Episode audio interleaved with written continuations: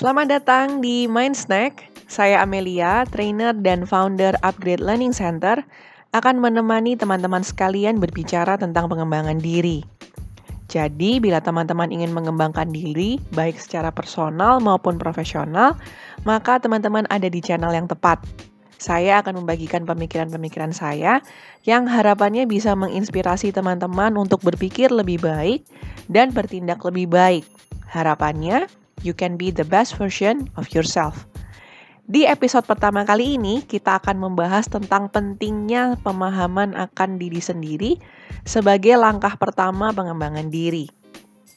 Nah, maksudnya mengenal diri sendiri itu bagaimana sih? Nah, saya akan memperkenalkan sebuah istilah yaitu self-awareness. Mengenal diri sendiri itu bukan berarti uh, tahu alamat, kemudian tahu identitas diri, bukan loh teman-teman Mengenal diri sendiri itu artinya tahu apa yang menjadi preferensi kita, potensi kita, termasuk tahu apa yang menjadi kelemahan-kelemahan kita. Nah, saya percaya setiap orang itu unik dan berbeda. Saya bisa melakukan A, teman-teman belum tentu bisa lakukan A. Teman-teman bisa lakukan B, saya belum tentu bisa lakukan B. Oleh karena kita unik dan berbeda, maka jalan kesuksesan kita masing-masing itu juga unik dan spesifik sesuai dengan diri kita masing-masing. Nah, jadi jalan sukses saya belum tentu jalan suksesnya teman-teman. Begitu juga sebaliknya. Dengan kita mengenali diri kita sendiri, kita jadi bisa tahu dan bisa mengcreate jalan sukses yang sesuai dengan personal kita. Gitu, teman-teman. So, apa sih maksudnya self-awareness itu? Self-awareness itu pertama, ingredients pertama adalah tanggung jawab. Teman-teman, sebelum kita melangkah lebih jauh, saya harap kita semua punya mindset yang sama, yaitu kita harus bertanggung jawab atas hidup kita sendiri. Sangat mudah untuk menyalahkan orang lain atau menyalahkan situasi saat sesuatu yang salah itu terjadi.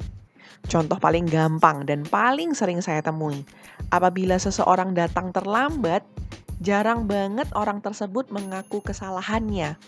Yang ada dia pasti memberikan seribu satu alasan, paling sering nih alasannya, satu macet. Ya kan? Yang kedua, salahin orang lain yang membuat dia jadi terlambat. Padahal kalau kita ngomong soal macet nih, harusnya kita bisa berangkat lebih awal dong untuk kita menghindari macet atau kita menghitung jarak perjalanan dengan lebih baik, harusnya kita bisa datang dan say sorry, maaf ya, aku terlambat. Karena kayaknya aku miscalculate nih jam perjalanan. Maaf, saya seharusnya bangun lebih pagi. Nah, mengambil tanggung jawab adalah salah satu tanda kedewasaan. Mungkin kita nggak sadar karena dari kecil kita dibesarkan oleh orang tua, sering kali kita belum lepas dari mindset bahwa orang lain itu bertanggung jawab atas kondisi saya. Entah Anda dibesarkan oleh orang tua atau entah Anda dibesarkan tanpa orang tua, kita cenderung memiliki uh, mindset untuk menyalahkan orang lain atas situasi yang kita hadapi. It's very normal. Itu adalah hal-hal yang uh, sangat umum banget dan sangat normal Nah, tapi seiring beranjak dewasanya kita dan apabila kita mau menjadi yang terbaik dari diri kita sendiri, maka kita harus belajar mengambil tanggung jawab atas hidup kita. Apa yang terjadi dalam hidup kita saat ini sepenuhnya adalah tanggung jawab kita. Apa yang akan terjadi di masa depan juga sepenuhnya ada di dalam tanggung jawab kita. So, take responsibility. Ambil tanggung jawab dan berani ambil keputusan untuk hidup kita sendiri. Itu tahap pertama dari self awareness. Nah, tahap kedua adalah pengenalan akan diri kita sendiri. Apa sih yang harus kita kenali dari kita sendiri? Masa sih kita nggak bisa kenal dengan diri kita sendiri? Nah, apabila teman-teman suka merenung dan merefleksi, mungkin, mungkin teman-teman bisa mengenal diri sendiri. Atau kalau teman-teman nggak suka merenung dan suka merefleksi, kadang-kadang kita juga nggak sadar loh akan preferensi kita masing-masing. Nah, apa yang harus kita kenali? Pertama, kepribadian kita. Uh, cara yang paling mudah mungkin yang cukup familiar, mungkin teman-teman kenal dengan istilah koleris, sanguin, plekmatis, melankolis dengan karakternya masing-masing. Itu juga boleh bisa membantu kita untuk mengenali preferensi kita, uh, preferensi personality kita.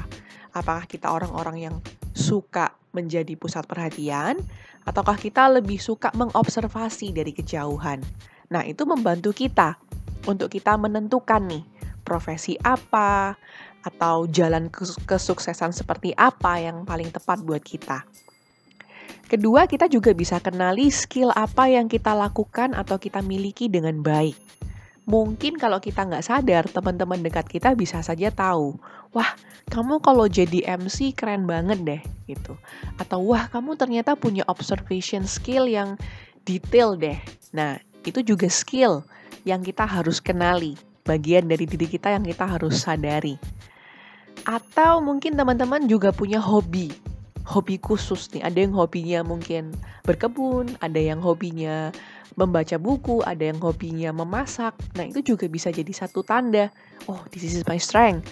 Sebuah hobi yang saya suka lakukan. Bisa saja itu jadi jalur kesuksesan kita.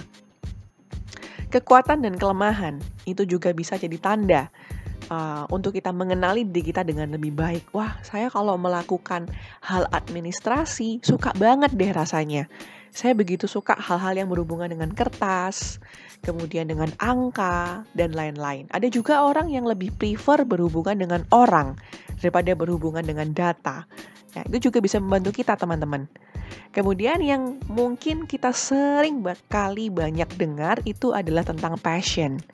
Passion itu bisa uh, bidang tertentu, misalnya edukasi, kesehatan, bisnis kah, uh, kemudian um, uh, family kah, itu bisa jadi sebuah passion.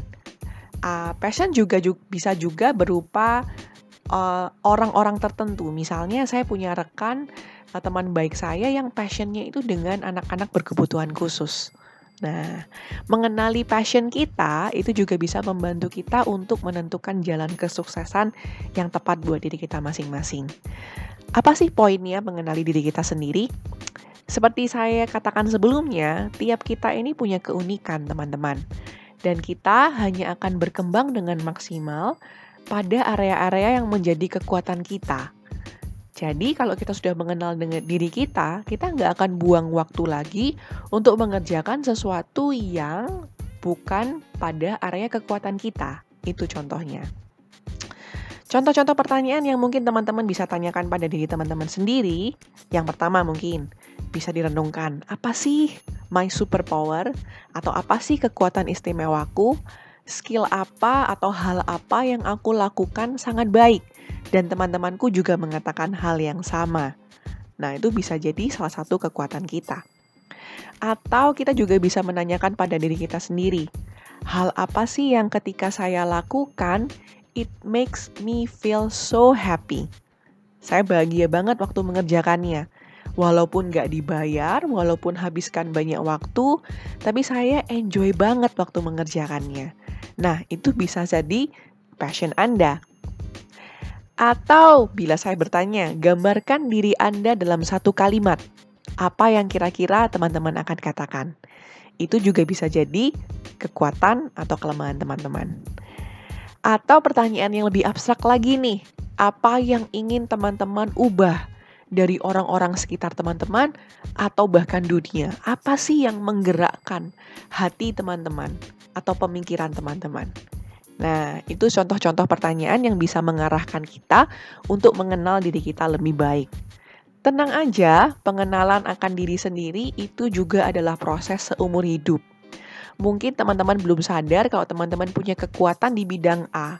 Tapi saat teman-teman terus-menerus dengan sengaja merefleksi diri, mengenali diri sendiri, berlatih, akhirnya teman-teman bisa tahu kalau teman-teman punya kekuatan di area A.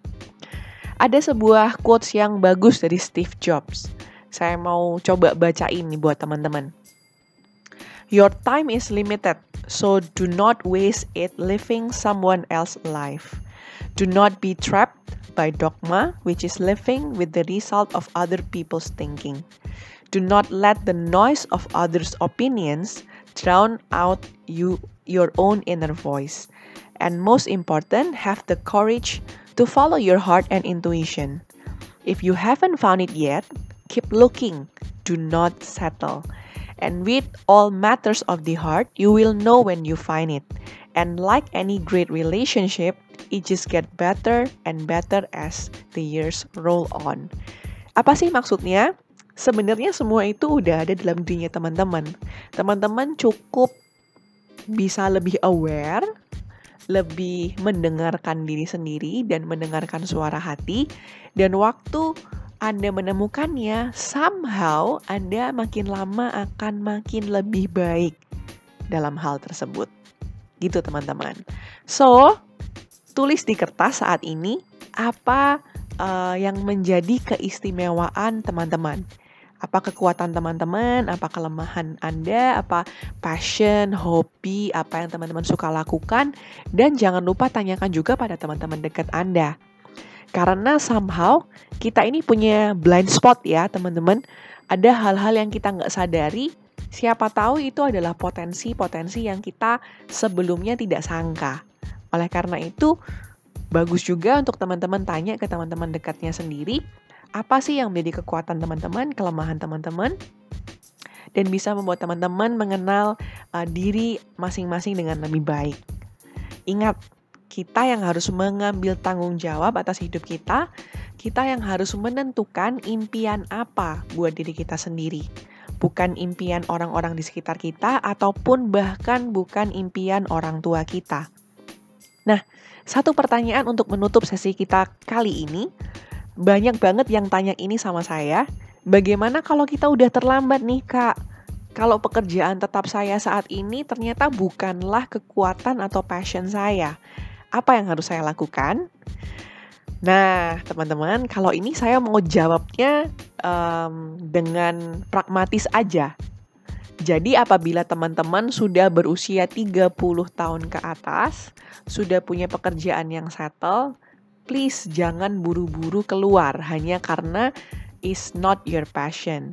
Anda juga harus memikirkan diri Anda dan keluarga dan masa depan Anda. Saran saya yang paling pragmatis adalah Anda bisa mengembangkan sedikit demi sedikit area yang menjadi kekuatan Anda. Let's say, sekarang Anda bekerja di bidang uh, akunting.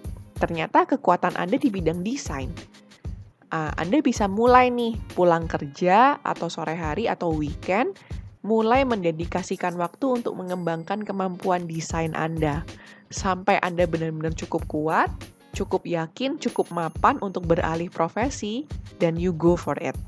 Itu ya. So, itu aja yang hari ini kita akan diskusikan. Masih banyak banget tips dan trik yang akan saya sharingkan di episode-episode mendatang. So, jangan lupa follow uh, podcast ini, Mind Snack. Thank you teman-teman. God bless.